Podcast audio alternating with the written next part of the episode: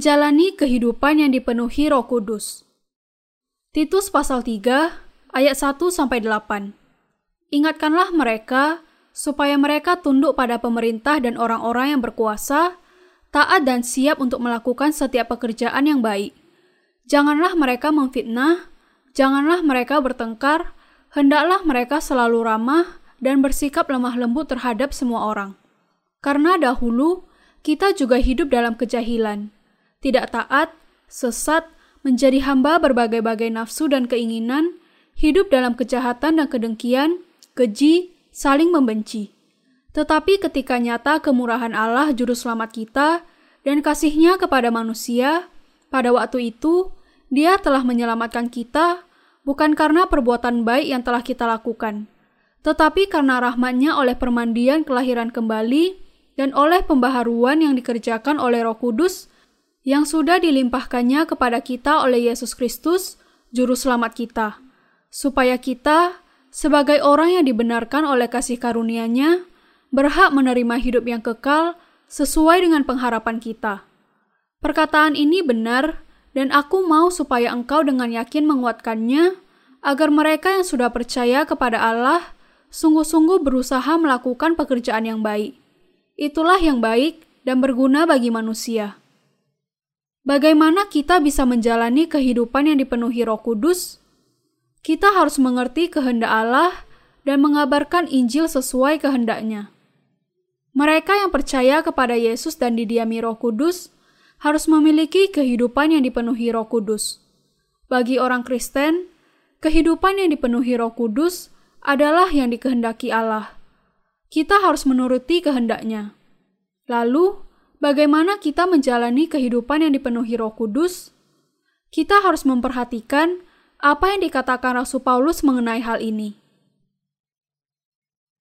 Apa yang dibutuhkan untuk menjalani kehidupan yang dipenuhi Roh Kudus? Dalam Titus pasal 3 ayat 1, Paulus berkata, Ingatkanlah mereka supaya mereka tunduk pada pemerintah dan orang-orang yang berkuasa, taat dan siap untuk melakukan setiap pekerjaan yang baik. Yang pertama, ia mengajarkan kepada kita untuk tunduk kepada pemerintah dan orang-orang yang berkuasa, taat dan siap untuk melakukan setiap pekerjaan yang baik. Yang dimaksudkannya adalah bahwa kita tidak akan bisa menjalani kehidupan yang dipenuhi Roh Kudus kalau kita melanggar hukum dunia. Tentu saja, kalau pemerintah dan hukum melawan kebenaran, kita tidak perlu mentaatinya. Tetapi kalau hukum itu tidak bertentangan dengan kebenaran, kita harus mentaatinya untuk melayani Injil dengan damai. Kita adalah orang-orang yang didiami Roh Kudus. Bagaimana kita bisa menjalani kehidupan yang dipenuhi Roh Kudus kalau kita melanggar hukum dunia? Karena itu, supaya bisa menjalani kehidupan yang dipenuhi Roh Kudus, kita harus taat kepada hukum dunia. Mereka yang menerima berdiamnya Roh Kudus perlu mentaati norma-norma sosial. Kita hanya bisa berjalan dengan Allah kalau kita mentaati hukum dunia. Kalau misalnya seseorang dari kita melanggar hukum ketika sedang berangkat ke gereja, apakah ia bisa melayani Tuhan dengan tenang? Bagaimana ia bisa hidup sesuai dengan ajaran Tuhan kalau ia hidup melawan hukum? Kita tidak boleh melanggar norma sosial ketika kita hidup oleh roh. Tidak ada yang baik dari melanggar hukum. Kita harus menjaga kedamaian dengan mentaati hukum. Kita harus berjuang untuk hidup dengan baik pada saat kita mengabarkan Injil. Untuk menghidupi kehidupan yang dipenuhi Roh Kudus, sangat bijaksana kalau orang-orang kudus tidak melanggar hukum sosial. Kita harus tetap rendah hati. Paulus berkata, "Janganlah mereka memfitnah, janganlah mereka bertengkar. Hendaklah mereka selalu ramah dan bersikap lemah lembut terhadap semua orang." Untuk menjalani kehidupan yang dipenuhi Roh Kudus, kita tidak boleh memfitnah, suka berdamai, lemah lembut, dan menunjukkan kerendahan hati kepada semua orang. Di dalam hati mereka yang dilahirkan kembali, ada kerendahan hati, pengendalian diri, dan kelemah lembutan. Hal itu mungkin terjadi karena Roh Kudus yang berdiam di dalam kita. Paulus mengatakan bahwa kita tidak boleh menghambat pekerjaan Injil dengan saling berkelahi. Tentu saja, kita harus bertahan pada waktu hukum sosial bertentangan dengan Injil. Tetapi kalau tidak demikian, kita harus hidup dalam damai. Kita harus membuat orang lain berpikir, meskipun kadangkala ia nampak garang seperti singa, tetapi sebenarnya lemah lembut seperti merpati. Kekristenannya mungkin yang membuatnya ramah dan sabar. Tidak ada kelembutan atau kerendah hatian di dalam nafsu kedagingan. Tetapi melalui berdiamnya Roh Kudus dan melalui Tuhan yang menyelamatkan kita dari dosa-dosa kita, kita bisa lemah lembut kepada orang lain. Mengampuni seseorang yang sudah melakukan kesalahan besar kepada saya adalah makna pengampunan yang sesungguhnya. Dan memperlakukan orang lain dengan kerendahan hati adalah tanda rendah hati yang sesungguhnya. Bagi saya, berpura-pura baik kepada seseorang ketika saya sebenarnya membencinya bukanlah kerendahan hati. Kerendahan hati dan pengampunan yang sungguh-sungguh adalah tanda bahwa orang Kristen itu sudah dilahirkan kembali. Kita juga harus tetap lemah lembut ketika orang lain melakukan kesalahan. Selama mereka tidak sedang menghambat pekerjaan Tuhan, kita harus lemah lembut kepada semua orang. Tetapi kalau mereka sudah menghambat pekerjaan Tuhan, kita harus mengubah terang kelemah lembutan kita dengan terang kebenaran. Kelemah lembutan hanya ada di dalam kebenaran Allah, sehingga mereka yang melawan atau menghambat firman Allah tidak layak diperlakukan dengan lemah lembut. Allah tidak membiarkan saja orang-orang yang melawannya, tetapi membuat mereka menanggung akibatnya. Allah berkata kepada Abraham, Aku akan memberkati orang-orang yang memberkati engkau dan mengutuk orang-orang yang mengutuk engkau. Kejadian pasal 12 ayat 3 Orang-orang yang menentang kebenaran Injil tidak memiliki jalan keselamatan. Mereka tidak akan mampu menghindari bencana yang akan menghancurkan tidak hanya kehidupan mereka sendiri, tetapi juga kehidupan anak cucunya. Mengapa kita harus bersikap toleran dan rendah hati? Seperti tercatat di dalam Titus pasal 3 ayat 3, karena dahulu kita juga hidup dalam kejahilan, tidak taat, sesat, menjadi hamba berbagai-bagai nafsu dan keinginan, hidup dalam kejahatan dan kedengkian, keji, saling membenci. Kita ini sama seperti orang lain sebelum kita dilahirkan kembali. Karena itu, kita harus sabar dan mengampuni mereka karena kita juga dahulu seperti mereka. Dalam Titus pasal 3 ayat 4 sampai 8 dikatakan, "Tetapi ketika nyata kemurahan Allah juru selamat kita dan kasihnya kepada manusia, pada waktu itu, Dia telah menyelamatkan kita bukan karena perbuatan baik yang telah kita lakukan, tetapi karena rahmatnya oleh permandian kelahiran kembali dan oleh pembaharuan yang dikerjakan oleh roh kudus, yang sudah dilimpahkannya kepada kita oleh Yesus Kristus, Juru Selamat kita, supaya kita, sebagai orang yang dibenarkan oleh kasih karunia-Nya, berhak menerima hidup yang kekal sesuai dengan pengharapan kita. Perkataan ini benar, dan aku mau supaya engkau dengan yakin menguatkannya, agar mereka yang sudah percaya kepada Allah sungguh-sungguh berusaha melakukan pekerjaan yang baik. Itulah yang baik dan berguna bagi manusia. Menurut Alkitab, Allah tidak akan menyelamatkan kita karena kita melakukan pekerjaan-pekerjaan baik. Ia memberikan berkat dilahirkan kembali kepada kita karena Ia mengasihi dan berbelas kasihan kepada kita. Dengan kata lain, Yesus Kristus datang ke dunia ini, dibaptis, mati di kayu salib, dibangkitkan dan dengan demikian membasuh segala dosa kita. Yesus dibangkitkan dan sekarang duduk di sebelah kanan Allah. Dengan bangkit dari kematian, segala hal yang belum lengkap telah menjadi sempurna. Allah memberkati kita dengan Roh Kudus melalui Yesus Kristus sebagai juru selamat kita. Yesus Kristus dibaptiskan oleh Yohanes untuk menanggung dosa dunia dan mati di kayu salib supaya kita semua menerima pengampunan dosa. Kita kemudian diselamatkan dan menjadi orang-orang benar. Alkitab juga berkata bahwa kita berhak menerima hidup yang kekal sesuai dengan pengharapan kita. Ini berarti bahwa kita sebagai pewaris Allah adalah orang-orang yang berhak mewarisi semua kekayaan dan kemuliaannya. Untuk menikmati kehidupan yang diberkati seperti itu, kita harus menjalani kehidupan yang dipenuhi Roh Kudus. Anda harus percaya kepada Injil air dan Roh menerima pengampunan dosa, dan mengabarkan Injil kepada orang lain. Setelah kita menerima pengampunan dosa, kita harus bekerja bagi kepentingan orang lain.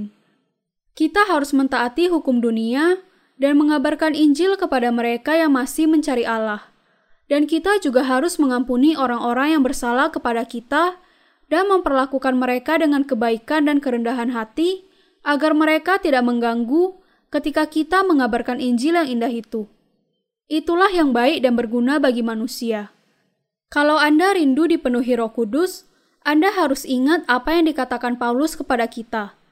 Mungkin hal ini nampaknya biasa-biasa saja, tetapi sebenarnya kebenaran ini sangat penting bagi kita.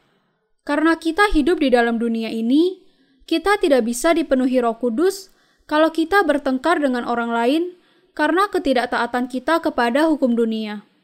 Karena itu, kita harus taat kepada hukum selama hal itu tidak bertentangan dengan firman Allah. Bahkan meskipun kita sudah memiliki iman, taat kepada hukum adalah pilihan yang paling baik kalau kita mau menjalani kehidupan yang dipenuhi Roh Kudus. Agar kita bisa melakukan kebaikan, kita harus taat kepada hukum dan berbuat baik kepada sesama kita. Apakah Anda ingin menjalani kehidupan yang dipenuhi Roh Kudus? Efesus pasal 5 ayat 8 sampai 11 berkata, Memang dahulu kamu adalah kegelapan, tetapi sekarang kamu adalah terang di dalam Tuhan. Sebab itu, hiduplah sebagai anak-anak terang, karena terang hanya berbuahkan kebaikan dan keadilan dan kebenaran, dan ujilah apa yang berkenan kepada Tuhan. Janganlah turut mengambil bagian dalam perbuatan-perbuatan kegelapan yang tidak berbuahkan apa-apa. Tetapi sebaliknya, telanjangilah perbuatan-perbuatan itu. Bagian ini berkata bahwa kita harus berjalan sebagai anak-anak terang dan menghasilkan buah-buah roh. Lalu, Efesus pasal 5 ayat 12 sampai 13 berkata, Sebab menyebutkan saja pun apa yang dibuat oleh mereka di tempat-tempat yang tersembunyi telah memalukan tetapi segala sesuatu yang sudah ditelanjangi oleh terang itu menjadi nampak, sebab semua yang nampak adalah terang. Paulus berkata bahwa segala sesuatu yang ditelanjangi menjadi nampak oleh terang. Kalau seorang benar tidak bisa hidup secara benar, ia akan menelanjangi dirinya di hadapan Allah atau dirinya sendiri. Apa yang terjadi kalau seseorang didapati melakukan pekerjaan kegelapan yang kemudian dibukakan oleh terang setelah mengakui kesalahannya, hatinya akan menjadi ringan kalau ia menghadap Allah lagi. Tetapi segala sesuatu yang sudah ditelanjangi oleh terang itu menjadi nampak, sebab semua yang nampak adalah terang. Sangat baik untuk menjadi nyata kepada terang. Setelah itu, kita bisa mengakui pelanggaran kita dan kembali kepada Allah. Kalau kita sungguh-sungguh menginginkan menjalani kehidupan yang dipenuhi Roh Kudus, kita harus memiliki kebaikan di dalam hati kita. Meskipun seseorang tidak memiliki sedikit pun dosa di dalam hatinya, tidak berarti bahwa ia tidak perlu memiliki kebaikan. Kita harus memiliki kebaikan dan kemurahan di dalam hati. Kita harus mengabarkan hikmat dan berdoa agar orang-orang mengenal Injil air dan roh, sehingga mereka bisa memahaminya dan menerima pengampunan atas dosa-dosa mereka dan kita juga tidak boleh melukai orang-orang lain. Kita harus makan, tidur, dan menghidupi Injil dan melayani sesama juga. Untuk menjalani kehidupan yang dipenuhi Roh Kudus, kita harus berpikir mengenai pentingnya waktu dan melayani Injil yang indah itu seperti orang yang bijak. Kalau kita mengasihi dunia, kita kalah kepada tipu daya kegelapan dan bisa mengabaikan pekerjaan Allah. Karena itu, kita harus memusatkan pandangan kita kepada Allah dan melakukan apa yang dikehendakinya. Pada saat kita percaya kepada keselamatan yang diberikan Allah kepada kita, kita juga perlu selalu berjaga-jaga. Orang yang bijak oleh roh harus setia mengabarkan Injil ke seluruh dunia sebelum dunia dipenuhi dengan kegelapan. Mengerti kehendak Tuhan, kita harus berusaha untuk mengetahui apa yang menyenangkan hati Allah. Kita harus mengetahui apa yang harus kita lakukan seturut kehendaknya melalui gerejanya dan firmannya. Kita harus tahu apa yang bisa kita lakukan untuk menyenangkannya, dan menemukan apa kehendaknya untuk kita. Orang-orang yang menerima pengampunan dosa adalah orang-orang yang sudah dilahirkan kembali, dan mereka yang dilahirkan kembali adalah orang-orang yang didiami Roh Kudus. Mereka yang didiami Roh Kudus adalah orang-orang yang sungguh-sungguh kudus dan anak-anak Allah. Mereka harus menjalani kehidupan yang dipenuhi Roh Kudus. Inilah tugas dari orang-orang kudus. Kita tidak boleh membuang kemampuan dan tenaga kita untuk diri kita sendiri tanpa memperhatikan kebutuhan orang-orang lain. Kita tidak boleh menghambat pekerjaan Tuhan dengan terseret kepada arus zaman. Kalau kita sudah dikuduskan dan menerima kelahiran baru melalui kasih Allah, kita harus menjadi orang yang baik agar bisa melanjutkan dan melaksanakan pekerjaannya. Kalau kita menjadi anak Allah dengan percaya kepadanya, sangat tepat kalau kita menjadi orang-orang baik. Secara manusia, anak-anak Allah jauh dari kesempurnaan. Tetapi hal itu sama sekali bukan masalah bagi Allah asalkan kita tetap berjuang untuk memperhatikan kehendak Allah dan melakukan kebaikan. Tetapi biasanya, meskipun seseorang telah dilahirkan kembali, ia tetap saja bisa tergoda untuk melakukan hal yang tidak baik kalau mereka masih hidup bagi diri mereka sendiri. Dan janganlah kamu mabuk oleh anggur, karena anggur menimbulkan hawa nafsu. Tetapi hendaklah kamu penuh dengan roh. Efesus pasal 5 ayat 18.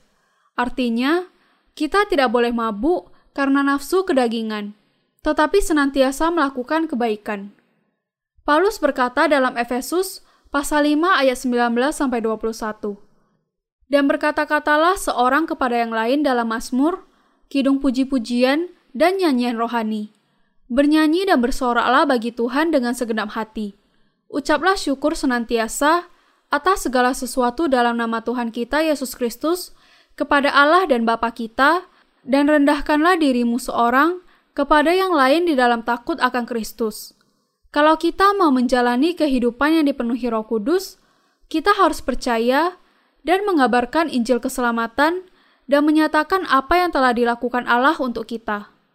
Allah memberkati kita setiap kali kita berdoa dan ia mencatat semua berkat dalam semua mazmur dan nyanyian serta lagu rohani untuk kita nyanyikan bersama-sama kita harus memuji, bersyukur, dan menyembah Dia. Kita harus bersyukur kepadanya dari lubuk hati kita dan memuji Yesus Kristus yang menyelamatkan kita.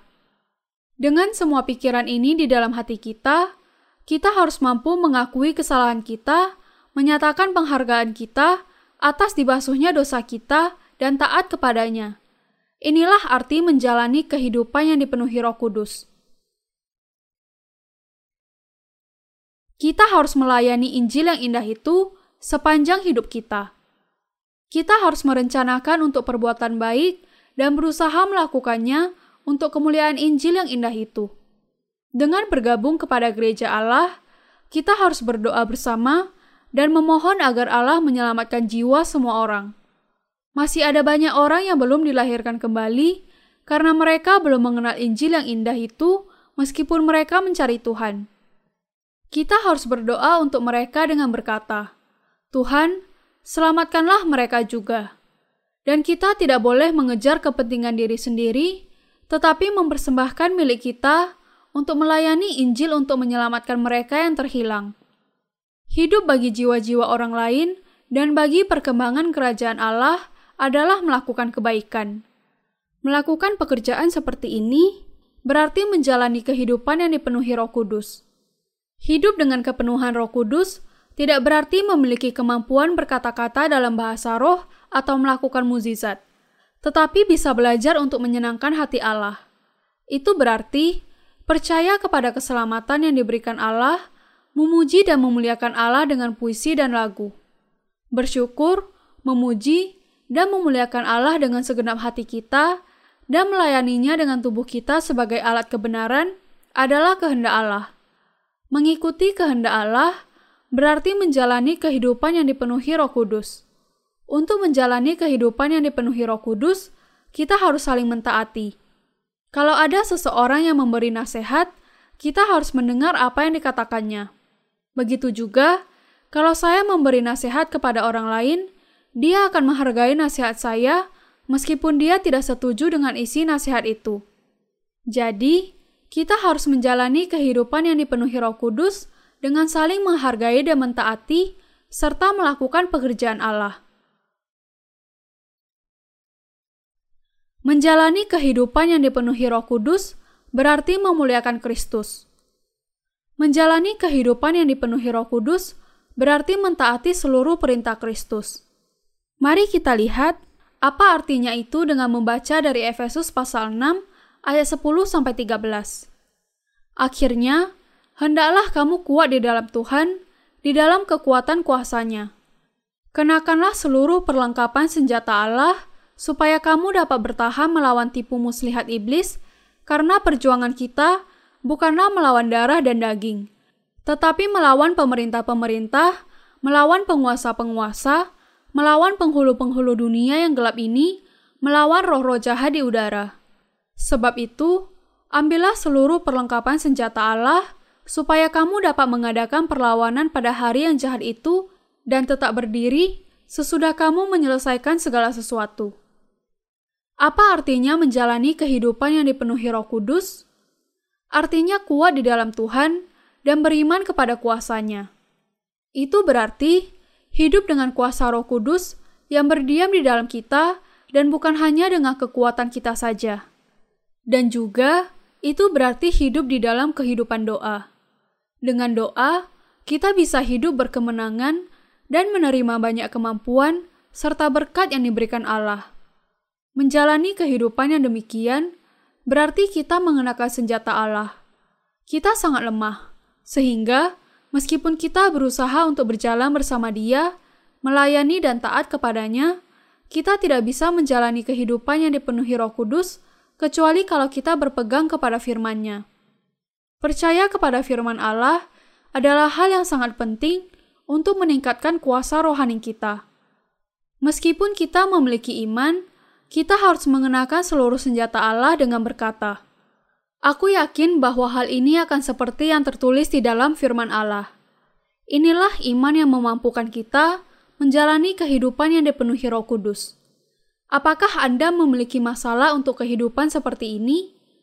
Ingat firman Allah di dalam Alkitab dan kenakan seluruh perlengkapan senjata Allah. Allah memerintahkan kita untuk mengenakan seluruh senjatanya. Dengan menerima firman-Nya di dalam hati Anda, Anda akan tahu apa artinya mengenakan seluruh perlengkapan senjata Allah.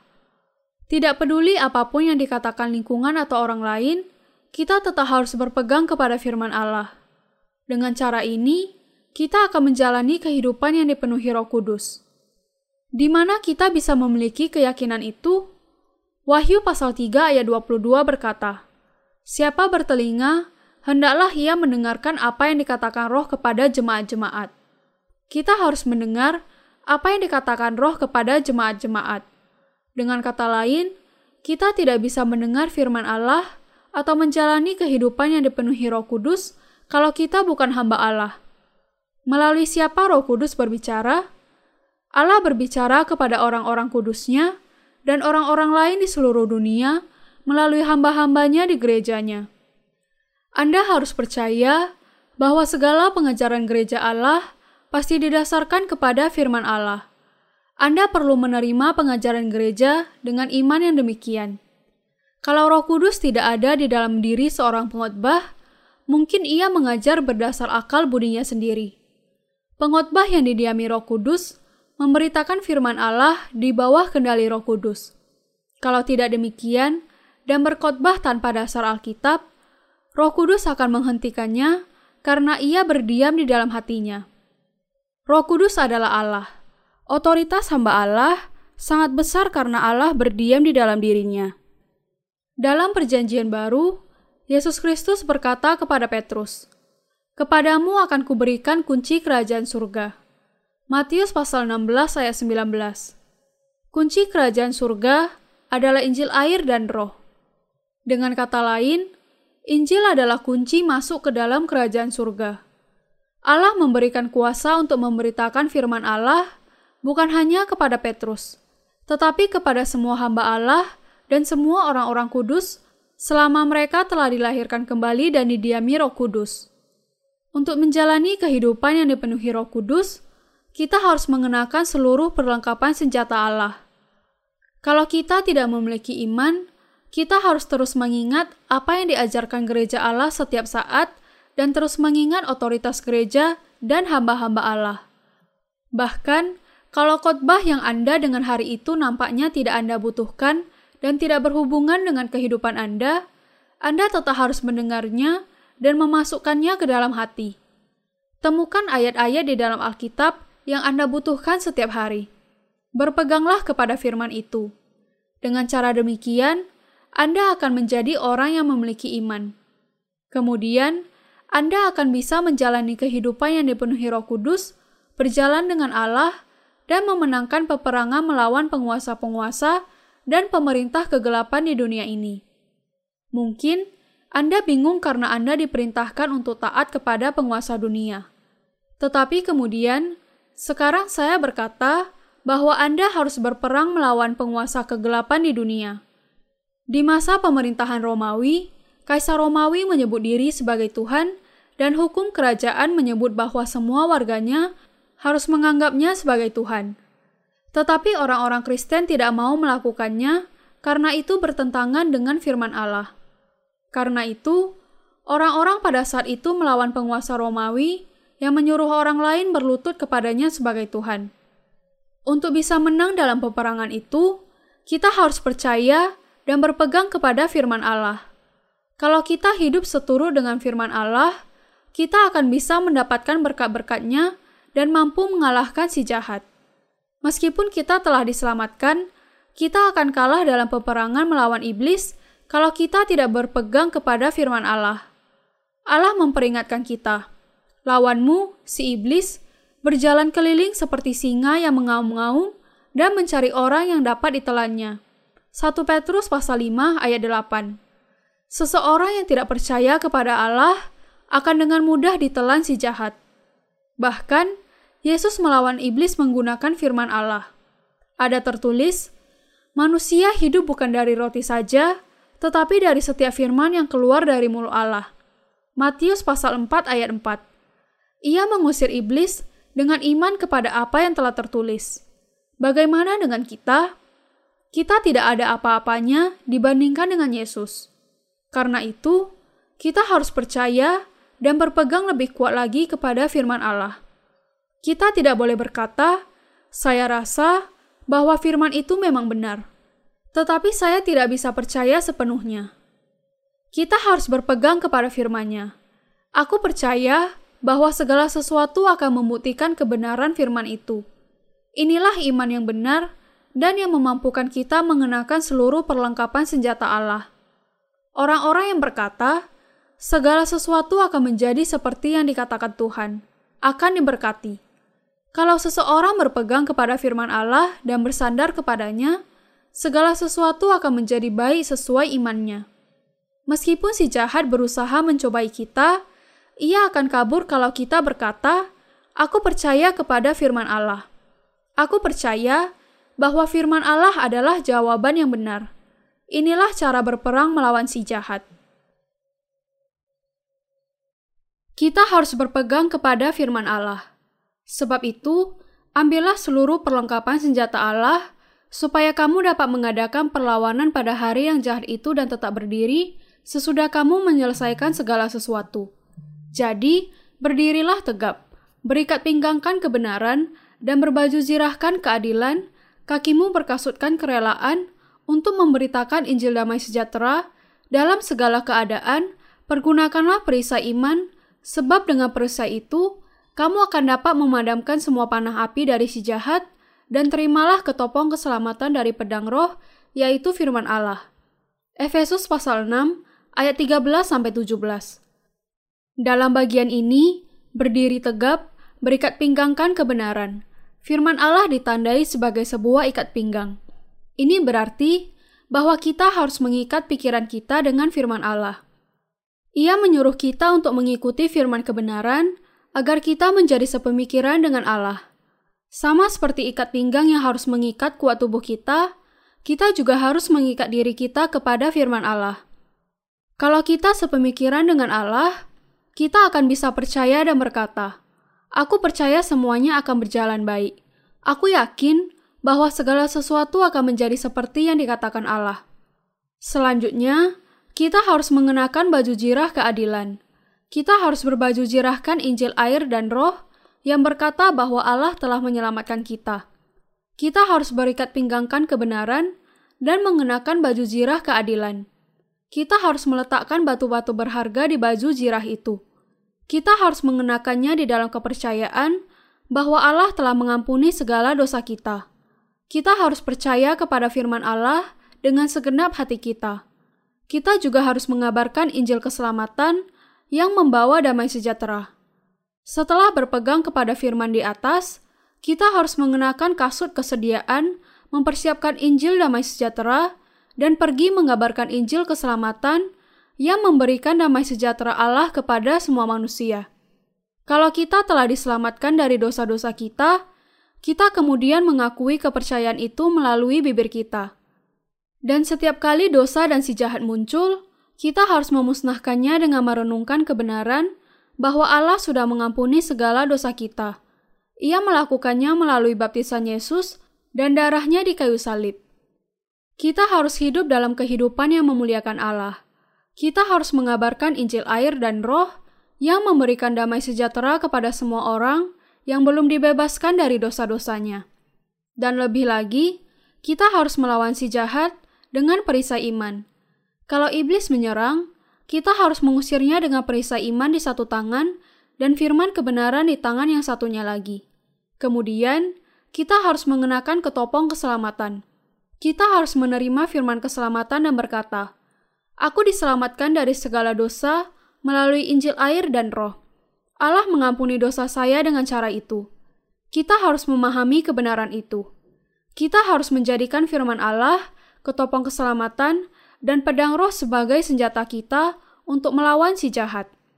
Kalau iblis menyerang kita, kita harus mengeluarkan pedang dan mengalahkannya. Allah berkata demikian, dan aku percaya. Kita mengusir iblis melalui iman kepada firman Allah. Kalau kita percaya kepada firman Allah dan memegang pedang roh kita, iblis akan berteriak, "Aduh, sakit!" Kita bisa mengalahkan segala macam serangan iblis hanya kalau kita percaya kepada firman Allah. Anda harus menghidupi kehidupan rohani Anda dengan berkata, "Secara manusia, aku jauh dari sempurna, tetapi aku adalah milik Allah yang telah menerima penebusan. Aku hidup oleh iman, berpegang kepada apa yang dikatakan Allah." Kalau Anda memiliki iman yang seperti ini, kita bisa mengusir iblis dengan pedang kebenaran setiap kali ia datang untuk mengganggu dan menyerang kehidupan kita. Iblis sama sekali tidak takut kalau kita menyerangnya dengan pedang duniawi. Karena itu, kita harus melawannya dengan berkata, "Inilah yang dikatakan Allah." Kemudian, iblis akan menyerah di bawah otoritas firman Allah. Kalau kita mau menjalani kehidupan yang dipenuhi Roh Kudus, kita harus berdoa kepada Allah agar gereja-gereja, orang-orang kudus, dan hamba-hamba Tuhan akan menyerahkan diri mereka untuk mengabarkan Injil. Dengan berdoa, biarlah saya dengan berani menyatakan rahasia Injil. Kita akan memiliki kehidupan yang dipakai untuk melayani Injil. Inilah kehidupan yang dipenuhi Roh Kudus. Menjalani kehidupan yang dipenuhi Roh Kudus adalah sesuatu yang sangat penting bagi orang-orang kudus. Kalau kita benar-benar orang kudus, kita harus menjalani kehidupan yang dipenuhi Roh Kudus. Hidup dengan cara demikian adalah kebutuhan yang sangat penting untuk orang-orang kudus. Sama seperti menerima pengampunan dosa adalah kebutuhan yang sangat pentingnya bagi semua manusia. Itu adalah perintah Allah.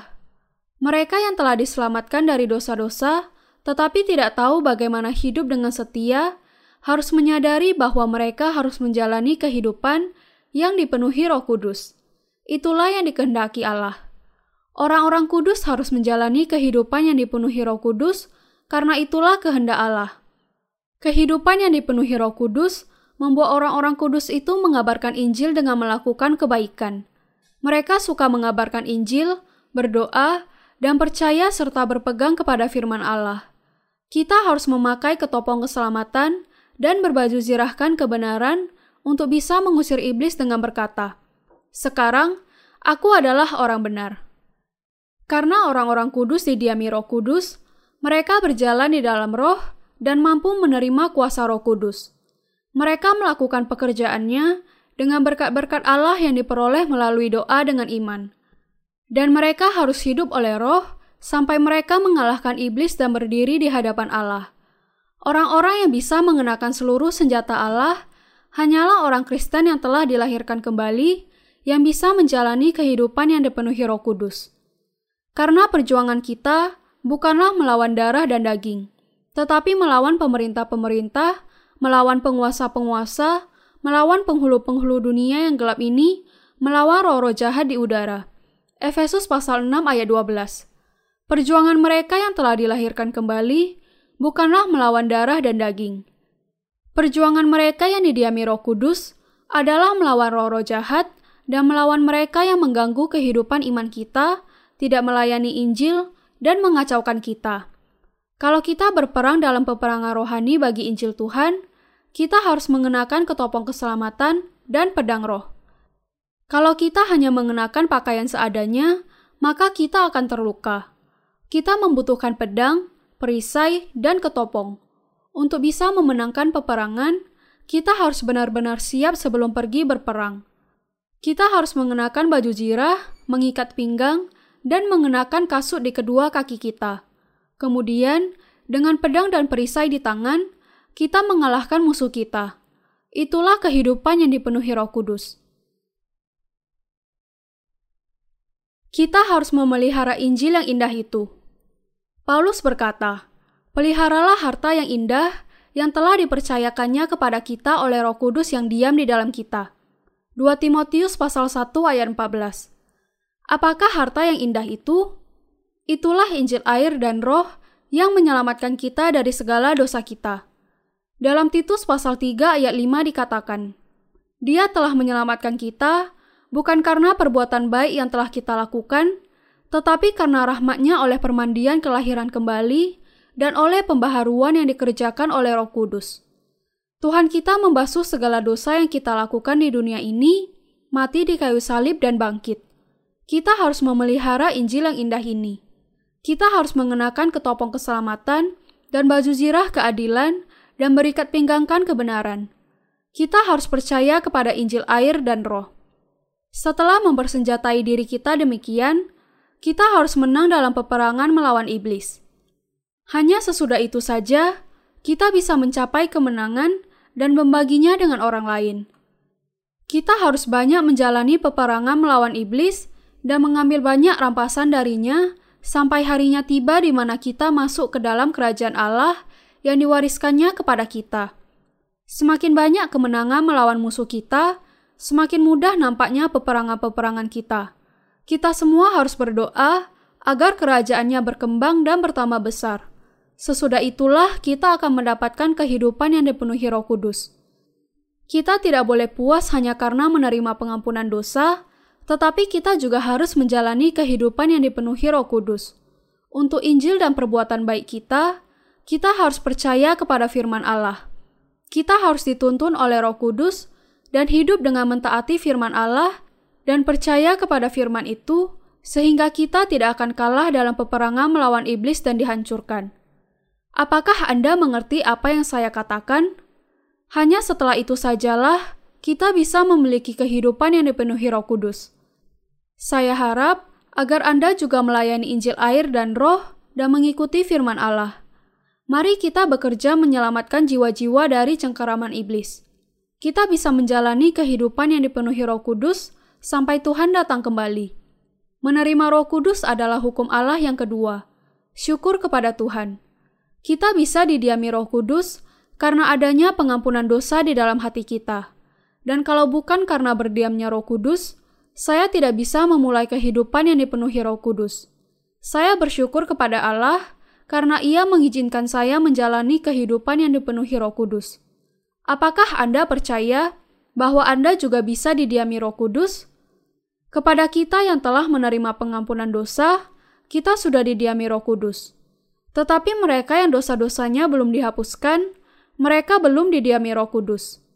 Mereka yang belum tahu dan belum percaya kepada Injil air dan roh tidak didiami Roh Kudus. Semua orang di dunia ini akan dibuang ke dalam neraka kalau mereka tidak menerima berdiamnya Roh Kudus. Karena kita tidak lagi memiliki dosa-dosa di dalam hati kita, kita didiami Roh Kudus. Dan karena Roh Kudus berdiam di dalam hati kita, kita bisa menjalani kehidupan yang dipenuhi Roh Kudus. Kita yang didiami Roh Kudus harus mentaati kehendak Roh Kudus agar bisa dipenuhi Roh Kudus. Semakin kita taat kepada kehendak Roh, semakin kuat iman kita seperti prajurit yang mengenakan segala senjata. Tetapi kalau kita tidak taat kepada Roh Kudus, sama saja kita berperang tanpa membawa senjata. Mari kita bertumbuh kepada firman Roh Kudus dan menjadi orang yang beriman. Kalau kita mendengar firman Roh Kudus, iman kita bertumbuh karena Allah berkata, "Iman timbul dari pendengaran, dan pendengaran oleh firman Kristus." Roma pasal 10 ayat 17. Karena itu, Meskipun iblis menyerang kita, kita terlindung dengan iman kepada firman itu. Iblis tidak bisa menyerang mereka yang terlindung dengan iman kepercayaan akan Injil air dan roh. Orang-orang yang setia memiliki kuasa untuk mematahkan kuasa iblis dengan iman mereka. Mari kita menjalani kehidupan yang dipenuhi roh kudus dengan iman. Kehidupan yang dipenuhi roh kudus ditandai dengan kehidupan yang mengabarkan Injil air dan roh dengan setia ke seluruh dunia. Demikianlah kehidupan yang dipenuhi Roh Kudus.